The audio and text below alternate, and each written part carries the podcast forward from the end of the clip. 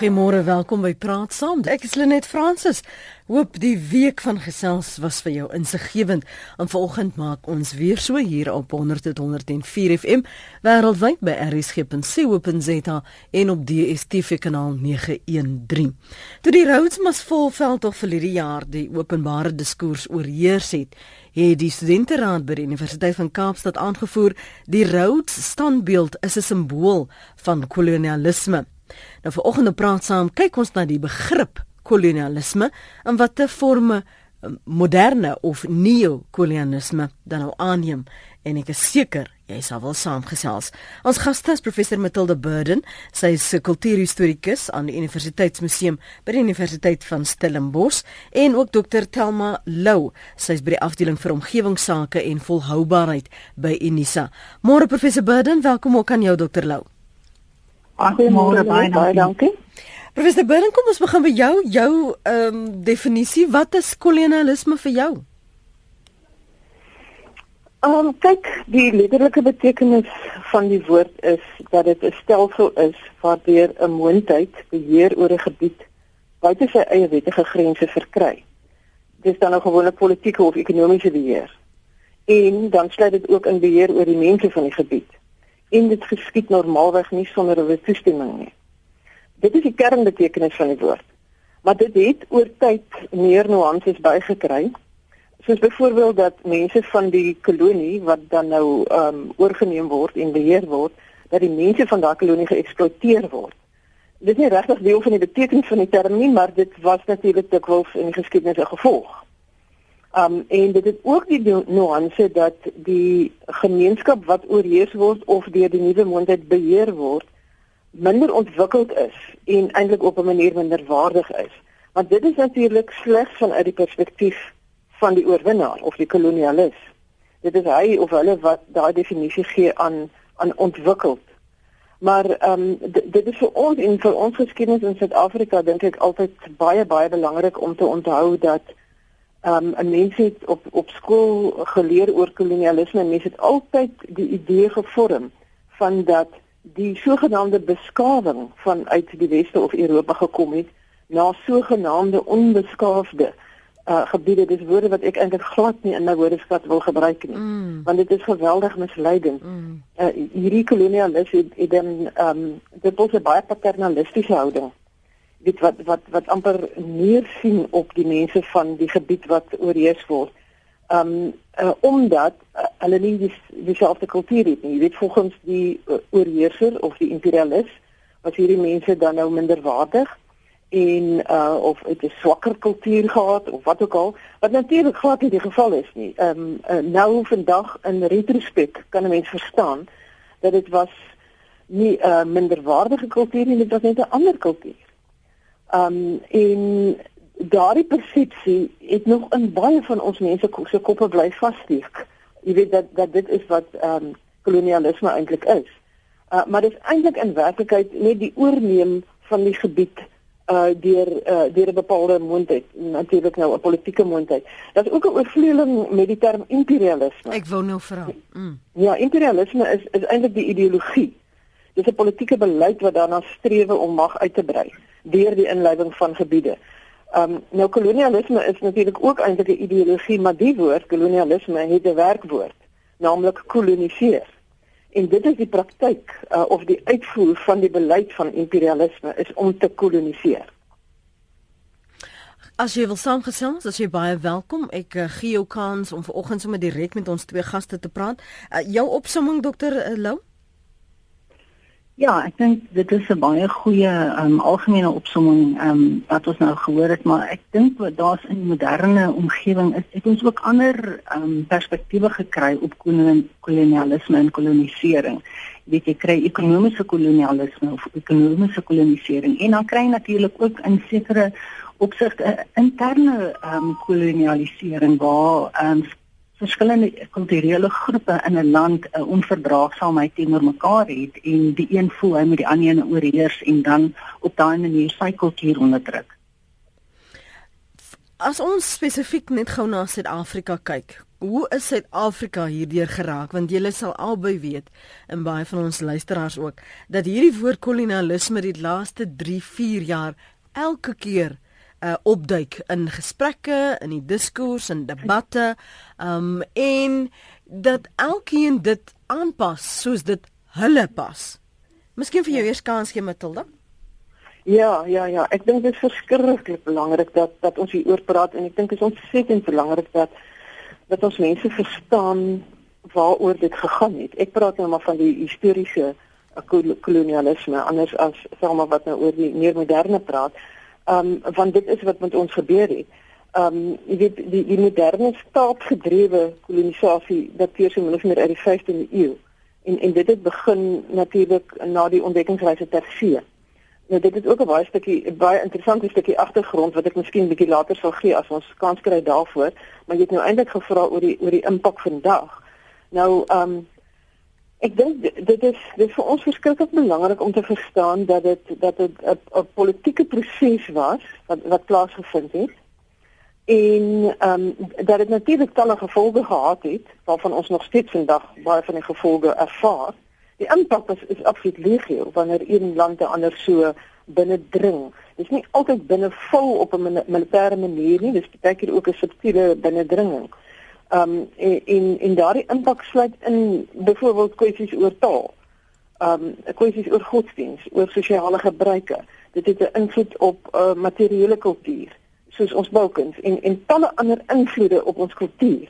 Maar ek dink die die belangrike ding wat wat ons moet verstaan vandag en en en en dit is die ding wat wat ek dink, wat ek vermoed, um die jongelinge wat in opstand kom, moontlik nie heeltemal reg begryp nie. Is dat dit deel is van die geskiedenis.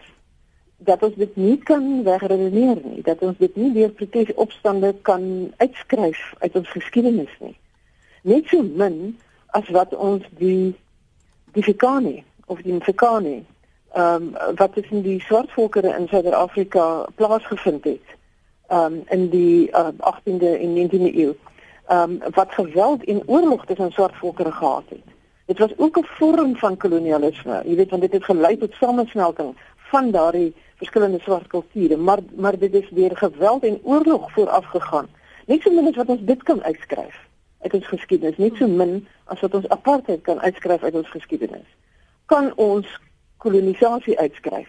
Dit is dit is iets wat gebeur het en ek dink ons moet dit aanvaar want want by komend tot al die negatiewe dinge en en en die en die hartseer impak wat dit op plaaslike kulture gehad het, uh, het dit natuurlik ook voordele gebring. En ek dink ehm um, ek, ek dink dit is 'n deel wat ek dink ons ons ons jong ons jeug miskien nie altyd verstaan nie. Ehm um, die mense wat skreeu teen kolonialisme vandag, ehm um, dat baie van die dinge waarmee hulle elke dag leef, is gebring deur kolonialisme. On, on, ons westerse huise ons westerse klere, het ons motors en Mercedes'e, ons rekenaars en TV's en selfone, om maar net 'n paar te noem, 'n ontwikkeling op talle vlakke uh, is is gebring deur kolonialisme. Um en min mense wil vandag daarvan afstand doen. Natuurlik soos ek sê, het dit ook baie hartseer dinge meegebring en en ons sit ook met met sekere gevolge daarvan. Um een van die groot groot uh, gevolge daarvan is die hele ding rondom grondkwessies maar dit is nou sekerlik 'n onderwerp op sy eie. Maar ek dink net 'n mens moet dit in perspektief probeer verstaan. Gepraat van perspektief, kan ons gou net daar stil staan uh, Dr Lou vir al die persepsies wat op die oomblik die heeltyd na vore kom. Hierdie uitsprake wat jy hoor mense sê, maar as dit nie was, ek dink jy het net daarvan bewys die persepsie van uh die beskawing is vir jou gebring uh, as dit nie was vir dat uh, daar kolonisering was nie, was daar nie hierdie civilization nie, was daar nie beskawing nie. En die ander persepsie wat veral nou in Suid-Afrika die heeltyd opklink en ek is bly jy het na die Mefekane verwys, uh, professor Burden, is die, dat dit 'n wit swart ding geraak het.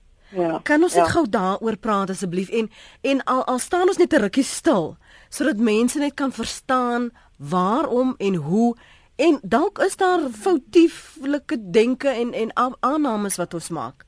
Dokter, kom ek gee vir jou kans en dan kan Matilda daarop reageer. Ja nee, ek dink dit is 'n baie eng interpretasie om om bloot daarna te kyk as 'n as 'n wit swart kwessie. Ek dink daar is tientalle voorbeelde dwars oor die wêreld in Afrika en Europa in um, Noord-Amerika, Suid-Amerika van van uh, waar dit die mense van dieselfde kleur is maar van ander kulturele groepe wat voel hulle is meerderwaardig en hulle moet die ander groep aan hulle onderwerp uh, om een of ander rede. Dit dit gaan maar baie keer te maak met met magshebbers wat wat hulle eie magslus uit uitleef. Ehm um, so dit is dit is 'n baie eng interpretasie en en miskien 'n polities geïnterpreteerde in, uh, interpretasie om dit te sien as bloot ehm, 'n um, wit swart uh, kwessie. Daar is daar's veelvuldige voorbeelde dat dit as mens kyk byvoorbeeld wat in Rwanda gebeur het. Ehm um, mm -hmm. waar die een groep gevoel het uh, hulle is almal Afrikaners, selfde velkleur, ehm um, maar die een groep het gevoel hy is superieur ten opsigte van die ander groep en die ander groep moet uitgewis word. Nou ehm um, hoe verskil dit van wat die Engelse gedoen het toe hulle Australië toe gegaan het en die inheemse volke daar uitgewis het. Hulle het ook gevoel daardie mense is minderwaardig en moet onderwerp word en enigste manier om hulle te onderwerp is deur hulle uit te wis. So mens moet nie simplisties uh, omgaan met iets wat wat baie kompleks is, wat so oud is soos die mens self as jy kyk na die geskiedenis van die mense op aarde, volke wat mekaar probeer oorheers soos Matilda gesê het, dit gebeur oral. Ehm um, en dit dit gebeur nie noodwendig oor see heen nie. Dit dit kan binne in 'n land se grense self ook gebeur. En mense moet bewus wees daarvan. En mense moet dit is hoekom mense die verdraagsaamheid moet kweek. Jy weet ons ons is, is rolmodelle en ons moet rolmodelle wees vir jong mense. En as ons nie verdraagsaamheid in onsself kan hê teenoor ander kulture en ander groepe en mense die ruimte kan gee om binne hulle kulture hulle self uit te leef en hulle kulture te ontwikkel nie, dan is ons ook besig met met kolonialisering. Matilda Ja, ek um, ek weet nie sê ek ek het nie 'n tegniese persoon dalk iets kan doen, maar ek kan vir dokter Lou amper glad nie hoor nie. Dis um, net ons lyn ja is goed ek sal wat ek sal doen is uh, wanneer ons 'n breek het gaan ons jou liewer probeer terugbel om net seker ja. te maak dat die kwaliteit goed. beter is. Ekskuus Matilda, dankie dat jy dit onder my aandag bring. Ek ek dink ek het so min of meer gevolg wat sy gesê het want ek wil nie regtig herhaal nie. Ehm mm. um, maar ek dink ehm um, dit is dit is verseker nie 'n uh, uh, wit swart ding nie. Dit dit het tot 'n mate so uitgespeel by ons en en dit speel ook so uit in baie van die ander gewese voormalige kolonies omdat die inheemse mense daar nie nou sê toevallig in aanhalingstekens van kleur was en die uh, imperialiste of die kolonialiste dan nou uh, wit mense van Europa was. Ehm um, maar dit is nou weer eens die die tradisionele of historiese vorm van kolonialisme. Maar sy sê heeltemal reg uitgewys het daar's baie voorbeelde waar dit uh swart en swart is wat bos soos ek dan ook verwys het na die na die Defekani. Um en en ek dink um dit is dit is waar waar daardie onbegrip waarvan ek net nou gepraat het, die persepsies wat ontstaan het. Dit is as 'n gevolg van 'n gebrek aan kennis. Ek dink dit is doodgewoon 'n gebrek aan behoorlike opleiding en verstaan van van die verloop van geskiedenis en van van politieke ehm um, politieke ehm um, stelsels, jy weet wat plaasgevind het uh, of toegepas is in die verlede. Want want dit is nie die die enigste een nie. 'n eh, Mens moet dit in in die konteks van die tyd natuurlik ook uh uh verstaan. Ja. Ehm um, jy weet dit dit was 'n algemene ding. 16de, 17de, 18de en 19de eeu was kolonialisme algemeen. Ek dit maak dit nie reg nie, dit maak dit nie goed nie. Ek probeer net die perspektief gee. Mm. Ehm um, dit dis baie so slawerny jy weet wat, wat vroeër absoluut algemeen uh, aanvaarde praktyk was in die tyd waarin dit plaasgevind het tot op 'n punt. So mense besef het, jy weet mm. dat dit dat dit verkeerd is en en en en dit tot 'n einde gebring het. Dit, weer eens, dit maak dit nie goed of reg nie, maar dit was binne 'n bepaalde tyd gegee was dit was dit 'n aanvaarde ding. So so was dit ook met kolonialisme. Jy weet waar dit waar dit begin het, die moderne kolonialisme, ek het net nou daarna verwys in in in die 15de eeu Ehm um, is baie interessant natuurlik hoe dit hoe dit gekom het as gevolg van die ehm um, eintlik as gevolg van daai inval van die Turke in Konstantinopel in 1453 toe hulle die uh, handel met die ooste van die Europeërs met die ooste geblok het. Toe kon die mense nie meer oor land handel dryf nie. En toe moes hulle begin ehm um, Syrië vind, jy weet weg per see of ter see na die ooste om handel te dryf.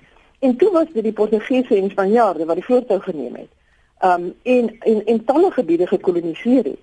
Dit hierdie hierdie uitdrukking wat mense baie keer gebruik uh, toepas op die Britse ryk um dat dit die uh, ryk is waar uh, die son nooit ondergaan of ondergegaan het nie in die 19de eeu. Is eintlik oorspronklik vir die eerste keer al op die Spanjaarde toegepas. So wyd oor die wêreld het hulle toe alreeds kolonies gehad.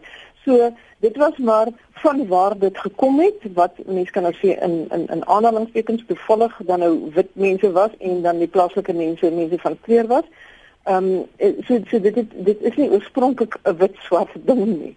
Ehm um, en uh, vandag uh, in Suid-Afrika as ons dit wil toepas op ons, sit ons almal wit of swart ehm um, of bruin of of al die uh, kultuurgroepe in hierdie land sit met die gevolge van kolonisasie en en daar is dele daarvan wat vir almal sleg is en daar's dele daarvan wat vir almal voordele inhou. Dit is die stemme van professor Matilda Burden, sy is kultuurhistorikus aan die Universiteitsmuseum by die Universiteit van Stellenbosch en Dr Telma Lou is by die afdeling vir omgewingsake en volhoubaarheid by Unisa, dis 23 minute oor 8.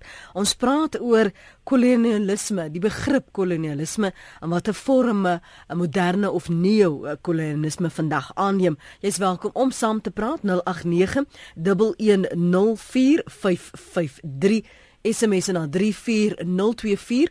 Elke SMS kos jou R1 en jy kan ook op ons webblad boodskap na die ateljee stuur. Gaan na rsg.co.za. Leon op George, wat is jou punt môre? Môre aan um, Lenet, uh, ja, ek het so baie te sê oor die onderwerp, maar ek beloof ek het 10 sekondes vat. Ehm um, ek dink die die uh, ek het nie 'n bultjie te sluit met ons Engels sprekende Suid-Afrikaners sê hulle van my vriende. Ehm um, ek het 'n bultjie te sluit met die rol wat die Britte gespeel het in die vorming van uh, uh, Afrika in spesifiek. Ehm um, Jy weet uh, um, ja, dit was hulle beleid gewees 100 jaar terug die Britte se beleid om die hele wêreld onder Engelse kolonie te sit nie dit is nou nou Barnard en daai mense en so aan. Hulle het in daai tyd besluit uh tussen die goud goudstorm loop dat geen swartes slit wel geen swartes mag uh diaplisensies kry of mag hulle vir self verryk uit, uit die goud wat ontdek is op die rand hier. In 1925 um, is in die Britse parlement besluit dat geen swarte krystemmerig in in in in in Suid-Afrika nie. Ehm um, hulle is die vader van ehm um, die oorlog wat hier gekom het. Ons het gelukkig gewees om te klop by die by die by die stembus. Ehm um, ek wil nou net verwys na die die die wetheid wat daar was met die vroue en kinders wat vermoor is in die jare 1900. Ehm um, hoekom ek dit nou noem is dat uh, eh, 15 jaar terug um, net ons hier 'n dekking gehad van die van die uh, Tweede Wêreld ag van die uh, boere Anglo-Boere oorlog waar 20 30000 vroue en kinders dood is. Ehm um, maar die Britte sou nie eers uh, gepiep het en gesê in simpatie of jammer ehm um, ehm um, hoe ons het julle rykdom kom vat. Uh, daar was 'n foto in die burger gewees omtrent so 5 jaar terug oor die die massiewe goudreserwes wat Engelse daar op pot um, in Engeland en mense kan net so vra waar kom daai reserves vandaan. Suid-Afrika was nie die enigste land wat onder kolonialisme deurgeloop het nie. Hulle het vir Kenia in die Miamel tyd het hulle uh, gekoloniseer. Die plaaslike mense in strafkampe gesit en hulle rykdom gevat en hulle die die bewoners wat ehm um, ehm um, belasting betaal. So die voetspore van die Britte in ons geval. Daar's ander vorme van kolonies in Frankryk um, en so en so aan maar ons het werklik waar die skerp kant gekry van die um, kolonialistiese regime in die wêreld. Ehm um, ek het my bek het gespoel. Ehm um, dis gevoel ons is gestroop van ons eie rykdom. Ons het nie apartheid begin nie. Ons wit mense het apartheid vervolmaak. Ons het dit nie begin nie. Dit begin in die Britse Britse parlement in Engeland. Ehm um, en en ek wil vir ander mense ook kans gee om te praat. Baie dankie Leon, waardeer dit. Leon daar op George en Louis op Springs. Louis. Goeiemôre net, môre professor, môre dokter. Mm -hmm. En die luisteraars, ek wil net sê, ehm um, ek wil weet hierdie grondverdeling en grondeise en al hierdie goed is dit nie weer nog 'n moderne vorm van imperialisme en kolonialisme en whatever jy dit wil noem nie want dit is dit gaan maar altyd oor een groep wat se grond weggevat word en dit word vir 'n ander groep gegee en later dan word dit weer weggevat van daai groep en dit word weer vir 'n ander groep gegee dit hang af net wie aan bewind is Dis al wat ek wil sê. Dankie Louis. Kom ons praat gou oor wat Louis en Leon gesê het en hier skryf Kevin in die Ooskamp. Lenet, ek en my familie het 'n baie interessante koloniale geskiedenis. Ons is trots daarop trots om Suid-Afrikaners te wees. Geskiedenis is geskiedenis. Niemand sal dit verander. Kom ons as Suid-Afrikaners respekteer mekaar, verskille as 'n gevolg van geskiedenis in die verlede, skryf Kevin in die Ooskaap. Kom ons praat gehoor oor wat eh, Leon sê oor Britannia Matilda en Britannia se rol in Afrika. Ons kan nie te lank daarby stil staan nie want ek wil hier ons moet ook aansluit by wat Louis gesê het en ja. en bietjie gesels oor wat is neokolonialisme dan? Ja, nee, mens kan dan maar net vinnig verwys na sy opmerkings oor oor Brittanje. Dit dit is so. Dit dit dit is heeltemal reg wat hy gesê het. Hulle het 'n baie baie sterk rol gespeel nie net in Suid-Afrika nie, maar dwars oor die wêreld, veral in die 19de eeu. Dit was die 1800s dan was was hulle groot uh ryk, die groot empire oor die hele wêreld. En hulle het met 'n baie die, die tipiese houding waarna ek vroeër in my inleiding verwys het van paternalisme het hulle na die kolonies beweeg. Um met die gesigspunt of met die met die uh, persepsie dat um die die uh, kultuur wat hulle beoefen die regte is. Dis die regte kultuur en die mense wat nie die kultuur het nie, is verkeerd of barbaars of uh, onbeskaaf of wat ook al. Ek soos ek gesê daai woorde wat ek nie eers graag gebruik nie want want dit is eintlik nie woorde wat 'n mens moet toepas op kulture nie. Dis doodgewoon ander kulture gewees. Maar die Britte het daardie houding gehad dat ehm um, dat dat hulle beter is en dat almal nou moet konformeer om soos hulle te wees. Dit dit is hoekom mense wat die Christendom uitgedra het, ehm um, het die die plaaslike mense probeer bekeer tot die Christendom. Hulle het hulle probeer uh bekeer in aanhalingstekens tot hulle gebruike en gewoontes en natuurlik ook hulle taal. Soos ons weet in Suid-Afrika het hulle ook hulle taal afgedwing en oral waar hulle gegaan het. So dit dit is ehm um, 'n tipiese houding van die heerser En ons kan weer uit die geskiedenis verder terug ook daar rondom gaan leer in, want dit is presies wat die Romeine gedoen het tydens die Romeinse ryk, maar ek wil nie nou daarop ingaan ja, ja. van te veel tyd vat. Maar dit was verseker ehm um, die houding van die Britte. En kan ek net kortliks verwys na Louis se opmerking? Ja, ja, gaan voort. Da, dan dan kan Selma weer voortgaan. Hmm. Ehm um, Louis gepraat oor oor oor die grondverdeling en grondbesit. Dit is nou nie regtig ons onderwerp nie, maar ek wil net die een ding daaroor sê wat ek dink ehm um, ook 'n verskriklike belangrike ding is wat mense uit die oog verloor en nie altyd regtig verstaan nie, is dat toe die verskillende kulture bymekaar gekom het aan die suidpunt van Afrika in die 17de en 18de en 19de eeu mekaar ontmoet het, was dit verskillende kulture in alle opsigte eh, nie net taal en gebruike nie, maar ook wat stelsels betref. En die belangrike ding is dat die dat die Europeërs het 'n regstelsel en 'n eiendomsbesitstelsel na die Kaap of na Suid-Afrika gebring wat die plaaslike mense nie geken het nie. Hulle die die Khoi byvoorbeeld aan die Kaap het nie 'n stelsel van eiendomsbesit gehad nie. So dit was vir hulle 'n totaal vreemde ding dat dat dat hierdie koloniste gekom het en grond toegeëien het wat nou aan hulle behoort het en waarvoor hulle nou 'n dokument gehad het waarmee hulle dit kan bewys. Terwyl ja. die plaaslike mense het nie dokumente gehad wat dit kon bewys nie. Mm -hmm. En so ook met die swart volkere. En ek gaan nou nie verder daarop ingaan. Ek wil net sê dit is 'n belangrike ding wat ons moet onthou rondom grondbesit en en en, en grondpryse vandag. Dit word erken, skryf Konrad WR hierso, maar Putin van Rusland is besig om te kolonialiseer, skryf Konrad. En nog 'n een skryf Marie, Marie seker, hou ook in gedagte hoe ons wit Afrikaanse voorsaante gelei het onder Britse kolonialisme. Uh Lou sê ontdekkingsreise is besig om die wêreld te verken. En dan sê uh hoe hoekom moet julle moet julle gedurig probeer om die kolonis se enorme bydrae te misken sonder hulle sou SA soos die res van Afrika lyk alhoewel ons baie vinnig daarin op pad is. Uh daar is ook vroue vermoor in die oosgrens oorlog. Is ons besig om te ontken ehm um, Telma soos wat die luisteraar anoniem hierso beweer? Ehm um, Lenet, ek wil graag as jy my die kans hmm. gee hmm. eerder eerder teruggaan na wat gepraat is oor oor die Britse kolonialisme en die beginsels wat daar uitgelig is. en net miskien die luisteraars wys op hoe die kolonialisme nou deesdae toegepas word dat ons nie eers dit agterkom nie. Kom ons neem byvoorbeeld 'n organisasie soos FIFA.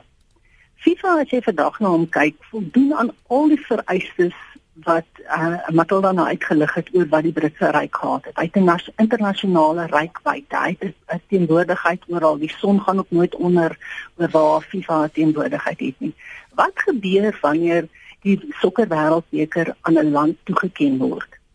Die die ontwikkelingsagenda van daardie land word vir 'n bepaalde tydperk in 'n groot mate gekolonialiseer deur FIFA. En FIFA bepaal waar word gebou, hoe dit gebou word, hoe groot die stadions moet wees, wat die infrastruktuur moet wees rondom daardie stadions en het 'n baie kortsigtige en 'n 'n 'n selfsugtige oogmerk met die ontwikkeling wat in daai land aangaan. En FIFA se oogmerk is net om 'n suksesvolle wêreldbeker toernooi te hê sodat hy self soveel geld as moontlik kan maak. So die jy weet mens kan soveel uh, lyne deurtrek van jou van jou tradisionele of jou historiese kolonialiste en jou jou groot moondhede na jou ekonomiese kolonialisering deur deur 'n organisasie soos FIFA byvoorbeeld. Mm. En net soos met jou tradisionele kolonialiste was daar aanvanklik lande was maar te dankbaar as die sokker wêreldbeker aan hulle toegeken word want dit was vir hulle eh, 'n uh, prestige en dit en dat. Maar mense sien toenemend in die afgelope jare dat daar lande is wat sê hulle stel nie belang daarvoor daarin om die wêreldsokkerbeker aan te bied nie want hulle hulle wil nie hê hulle ontwikkelingsagenda moet so ontwrig word nie. Mm. As jy byvoorbeeld kyk wat in, in Brasilië gebeur het, mm. so opstande mm. mm. daar gewees het rondom die aanbieding van die wêreldbeker van die mense was bitter ongelukkig mm. daaroor dat daar miljoene en miljoene dollar bestee word aan goed aan stadions, aan infrastruktuur wat dood eenvoudig net vir 'n tydperk van 2 tot 3 weke gebruik gaan word en daarna in 'n groot mate wit olifante is. So mense ons leer, jy weet ons moet ons kan die hele tyd teruggaan na die verlede toe, maar as ons nie kan leer uit die lesse van die verlede en dit toepas op vandag nie en nie kan sien hoe ons op 'n ekonomiese vlak baie keer gekolonialiseer word en jy weet ons word wysgemaak dis net goed wat inkom en dis net goed vir die land. En ja, soos soos die inskrywer ook gesê het, ehm um, daar is mense wat argumenteer dat dat FIFA maak nie enorme bydra. Jy het infrastruktuur wat jy nooit voorheen sou gehad het. Die mamma moet baie krities omgaan mm -hmm. met wat die waarde wat werklik toegevoeg word in hierdie tipe van um, ekonomiese kolonialisering. En SIPA is nie die enigste multinasjonale hmm. uh, organisasie wat dit doen nie. Ek ek wil eers so terugkom na ons oproep met Ivan gesprek met Ivan dat ons bietjie stil staan en net bietjie fokus ook vir mense om hulle perspektief te gee uh, wat hierdie global grab na verwys internasionale maatskappye wat juis land in in opkoop in verskillende rande in ruil vir ek gee vir jou dit sonder om werklik die inwoners te ken in die saak. Ek gee vir jou dit, jy gee vir my dit in ruil. Mense kyk net nou na die armoede en die krisis in in Rio de Janeiro byvoorbeeld. Juis oor ons wil op soos jy nou verwys het na FIFA, ons wil hierdie status gee maar aan die einde van die dag is ons mense besig om te krepeer uh, van ellende. As jy vanoggend wil saamgesels, as jy baie welkom. My gaste is professor Matilda Burden en Dr Telma Lou. Uh, jy bel ons op 089104553. Ons praat vanoggend oor uh, die begrip kolonialisme en watter forme moderne of neo-kolonialisme aanneem. Jy kan jou SMS stuur na 34024. Onthou net dit kos jou R1 en jy kan ook 'n draai maak op ons webblad. Van daar stuur jy boodskap na die ateljee. Dit is rsg.co.za. Dankie vir die aanhou Ivan. Wat het jy op die hart môre?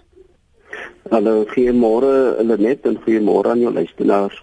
Uh, Lenet, ek wil graag begin om te sê die die een die een ding wat die ou in die nuwe Suid-Afrika gemeen het, uh as 'n vir vir versin van die geskiedenis.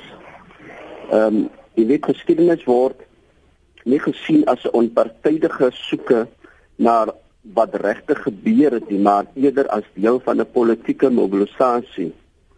Ehm um, net en dan wil ek ek wil daardie sê omrede is dat ons moet dan nou eerlik met onsself wees uh toe Jan van der Riebeeck in 1926 uh 6 uh 1652 in die Kaap aangekom het.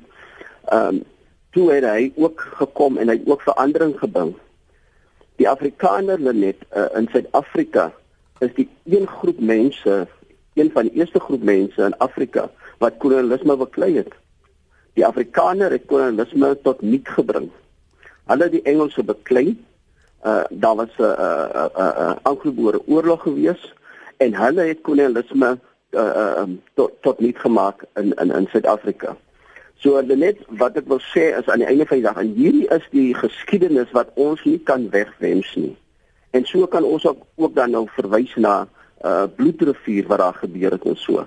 Maar net in in in as ons dan eerlik met onsself is en dan uh, werk met hierdie geskiedenis en van die die werklike geskiedenis wat het regtig gebeur en dan ook sê jy weet ons het ook apartheid gehad en ons is daar op deur. En en hoe gaan ons vorentoe net?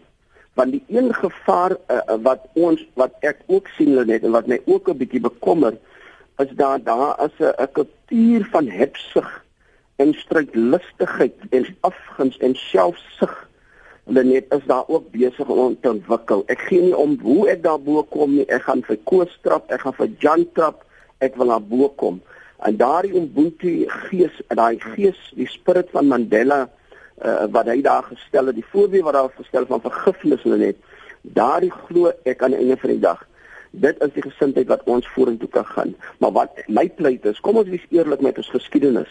Daar was 'n boere uh, uh, Anglo-Boere oorlog. Die Afrikaners is die eerste groep mense wat die Britte beklei het en hulle het kolonialisme het hulle geëindig en dit is die waarheid hulle net en dit is die waarheid wat ons moet dan vorentoe gaan en dan is daar 'n uh, um, 'n groep mense soos die UDF en Dr. Ellen Boesak hulle uh, wat voorgestel het en apartheid tot 'n einde gebring het. En baie van ons leiers wat vandag in die regering is, hulle net, hulle was glad nie in die land gewees nie. Hulle was hulle het gestudeer in ander lande. So daai is die waarheid. Dit is die werklikheid net en daar is die geskiedenis en ons moet met daardie geskiedenis vorentoe gaan in 'n mooi Suid-Afrika bou. Baie dankie. Dit is uh, Ivan se mening. Jan Du Plessis skryf van die vo voorste en die rykste lande ter wêreld vandag het hulle ontstaan en opkomste te danke aan kolonialisme. Byvoorbeeld Amerika, Kanada, Australië en Nieu-Seeland om met 'n paar te noem. In plaas van dankbaar te wees en op wat deur die eeue met deursettingsvermoë en opoffering van goed en bloed tot stand gebring is, wil Suid-Afrika se regering nou die geskiedenis omdop en 'n nuwe Afrika bou. 'n Mens hoef maar net noord te kyk en die dwaasheid daarvan te besef, skryf Jan Du Plessis. Connie van Danenbaai sê navorsing oor ekonomiese ontwikkeling in Afrika voor gedurende en na kolonialisme toon dat dit en hy aan wel sekere voordele met betrekking tot tegnologie, vrede en die toegang tot en vestiging van moderne instellings meegebring het. Sluit die aanhaling. Tog is aanhaling weinig werklik gedoen om hierdie voordele te laat voortduur sluit die aanhaling. En baie was daarvan bloot tot die koloniale era beperk. Daarbenewens het kolonialisme ook rasisme demokrasie uh, demokra dem, diskriminasie ekskuus en ongelykheid veroorsaak aan baie van die vastelandse politieke en ekonomiese instellings bederf. Johan Geyser sê Ehm um, o nee, ekskuus, dis nou 'n ander navraag oor die boeke uh, skip. Jammer daaroor Jan. En as ek gou vinnig loer na jou SMS'e, dan skryf ehm um, Lenet Jaco. China is tans op 'n doelgerigte pad om Afrika te kolonialiseer. Vra asseblief jou gaste se opinie hieroor. En as daar nog 'n paar wat praat daarvan, En dan sê jy C Pieter Maritzburg, die San mense was hier eerste, beteken dit dat die Nguni mense ook Suid-Afrika gekoloniseer het. Bespreek dit asseblief, skryf JC. Matilda, kom ek gee vir jou geleentheid en dan uh, praat ons 'n bietjie verder met uh, Telma. Ja, um, ek dink ehm um, ek wil net terugkom na wat Iver gesê het oor die uh, uh, geskiedenis en en hoe dit nou afgespeel het in die in die ou en die nuwe Suid-Afrika en en hoe ons geskiedenis ehm um, aanbied en ehm um, verstaan vandag. Uh ek dink een ding wat wat mense ook vergeet. Ek het al 'n klomp keer in die gesprek vanoggend verwys na ek dink wat, wat ek dink verkeerde persepsies is en hoe mense nie die geskiedenis regtig ken nie, is dat Suid-Afrika as kolonie het 'n baie interessante ontstaansgeskiedenis gehad. Want ek dink mense besef nie altyd dat die Hollanders, die Nederlanders wat hulle hier gevestig het, glad nie bedoel het om te koloniseer nie. Dit was nie die oorspronklike bedoeling nie. Hulle die Kaap wou gebruik as 'n verversingsstasie om by die ooste uit te kom. Dit was en dit was mos nou ook nie die Nederlandse regering nie, dit was die VOC. Die Verenigde Oos-Indiese Kompanjie wat wat uh, die verwerkingsstasie begin het. So dit was nie 'n regeringsaktiwiteit nie. Uh, dit is dit het dus nie sy oorsprong gehad in daardie magsuitbreiding ideaal wat ons later van tyd gesien het met, met die Britte nie. Um dit het later met die uitgee van grond aan aan aan aan vryburgers om genoeg voedsel te kon voorsien, het dit uh, 'n uh, soort van 'n kolonie geword. Ehm um, jy weet in in en het dit op die ou en 'n Nederlandse kolonie geword, maar dit was maar 'n patetiese ou kolonietjie gewees vir die eerste 150 jaar wat die Hollanders aan bewind is. Was die Kaap regtig waar maar 'n treurige ou kolonietjie. En dit was eintlik toe die Britte wat gekom het met hulle ehm um, magsuitbreiding of magsug uh wat dit heeltemal in 'n in 'n regte kolonie verander het. Ehm um, so uh, dit wat wat dit betref en dan net oor die laaste luisteraar wat verwys het na die ehm um, Nguni volkere, jy weet of of hulle ook dan nou gekoloniseer het. Uh, ja, dit is dit is definitief voldoende aan die definisie van kolonisasie. Dit was ehm um, 'n 'n bepaalde regeringsstelsel wat ehm um, wil uitbrei en wat grond in besit geneem het. Miskien nie op dieselfde terme en met dieselfde reëls en beginsels as die uh, Europese uh, moondhede nie, maar dit is eintlik ook maar presies wat gebeur het. Hulle het ook gebiede binne gedring wat nie ehm um, tradisioneel of voorheen aan hulle behoort het nie. Mm. Hierdie global grab, hierdie neokolonialisme, jy het net nou na FIFA verwys. Hoe hoe is dit anders en die wyse waarop hierdie internasionale maatskappye te werk gaan uh, uh Dr Lou hoe is dit anders as in die geskiedenis wat ons gesien het En wat is die gevolge daarvan? Dit was nou vir my baie interessant dat eh uh, Matilda gepraat het van die van die VOC want dit het my nou onmiddellik ook die lyn laat trek tussen tussen uh, wat uh, multinasjonale maatskappye vandag doen, jy weet die uh, die um, skade wat hulle aanrig in lande soos Nigerië, jy weet met met olie en in Suid-Amerika ook. En so jy sien reeds selfs hierdie is 'n goue draad wat mens deur die eeue kan trek. Die VOC het net om sy eie doelwitte te bereik, het hy 'n verversingspos aan die aan die Kaap geskep. En dan het jy natuurlik ehm um, 'n reeks dinge wat daai voortvloei wat wat nooit hulle intensie was nie, maar dit dit is dit is goed wat wat gebeur het. So ja, ek dink daar is wel as jy kyk na die rol wat die VOC destyds gespeel het in die ehm um, impak wat hy gehad het internasionaal en jy kyk na wat met vandag se multinasjonale korporasies dink ek definitief mens kan 'n lyn daar ook trek met jou ekonomiese um, kolonialisering. Om ek wil dan ook praat oor wat Jaco genoem het oor die Chinese teenwoordigheid veral in Afrika. Ehm um, jou statistieke sê vir jou dat uh, gedurende die 1990s het um, Chinese handel in Afrika of handel tussen Afrika en China het met 700% toegeneem. Nou 700% is 'n enorme toename in in handel. En as mens weer kyk na die aard van die handel wat daar was, was dit weer die, die Chinese kom in, hulle neem die grondstowwe uit of dit staal of diamante of wat ook al is, hulle neem dit uit die land uit. Daar word geen verwerking hier gedoen nie. Met ander woorde, hier is geen bemagtiging in Afrika nie. Dit word uitgeneem en Afrika word in 'n groot mate 'n aflaaigrond vir oortollige produksie wat hulle in China het. En ehm um, ek dink die ervaring is redelik dat dit nie 'n hoë gehalte ehm um, produk is wat dan van van China inkom. So mense kan ook praat van die wanbalans daar in die handel wat dan plaasvind um, tussen Afrika en China en en ek stem saam dat dit 'n baie belangrike vorm van ekonomiese kolonialisering is. En soos kolonialisering in die ou dae lyk dit asof die mense nie die werklike impak daarvan raak sien totdat dit te laat is nie totdat um, as ons maar weer kyk na wat in Nigerië gebeur het, totdat hele streke van die landskap so verwoes is as gevolg van die die swak maniere waarop die olie uitgehaal is, dat daai land nooit weer um, of daai streke nooit weer gebruik sal kan word nie. So mense leer nie uit die geleese van die verlede om dit dan toe te pas op die moderne forme van kolonialisering nie. Hoe herstel ons die balans? Kan ons die balans nog herstel, Dr. Lou? Ek dink ons moet ons kan dit herstel deur bewus te wees van wat gebeur. Jy weet ons is baie keer ehm um, baie naïef wanneer ons in hierdie dinge ingaan en daar's baie keer daarmee ook 'n politieke agenda. As jy byvoorbeeld kyk na wat in Zimbabwe gebeur het, Robert Mugabe het baie duidelik gesê hy wil nie met die Weste handel dryf nie.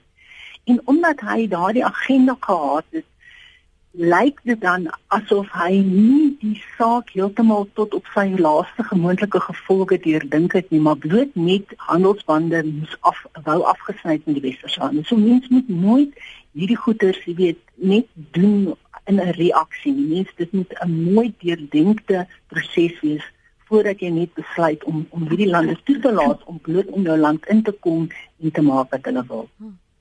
Van jou kant Matilda, laaste punt, vir hoe ons die die balans herstel, miskien ook spesifiek hier in Suid-Afrika hoe ons die gesprek moet hê of miskien moontlik kan oorweeg om te hê. Ja, kyk, uh, ek ehm um, kan nie so maar maar so sterk uitgaan oor die moderne ekonomiese kolonisasie so so stel maar nie.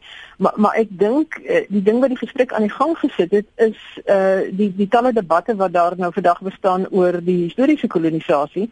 En ehm um, wat, wat my betref dink ek net ons mense in hierdie land moet onthou dat soos ek aan die begin gesê het dis deel van die geskiedenis. Ons kan dit nie uitskryf nie, net so min as wat ons die Afrikaanie of apartheid kan uitskryf. Maar die manier waarop 'n volk of 'n nasie uh sulke gebeure verwerk en hanteer in die hede, sien iets van daardie volk of nasie. Die manier waarop ons omgaan met die historiese begrippe van apartheid en kolonisasie, sien iets van ons.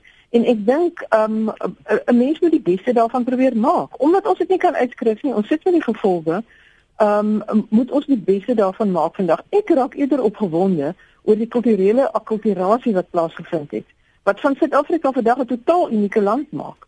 Jy weet wat onder meer gelei het tot nuwe tale, tot nuwe uitdrukkings, tot nuwe boustyle, tot tot nuwe ander kultuurgebruike en gewoontes en tot nuwe wêreldbeskouings uh, dit is ook gevolge daarvan en en en dis positiewe gevolge en ek dink ons moet uh, die positiewe daarvan uh, ophef en uitbou eerder as wat ons almekaar hamer op iets wat gebeur het wat deel is van die geskiedenis en wat ons nie kan verander nie.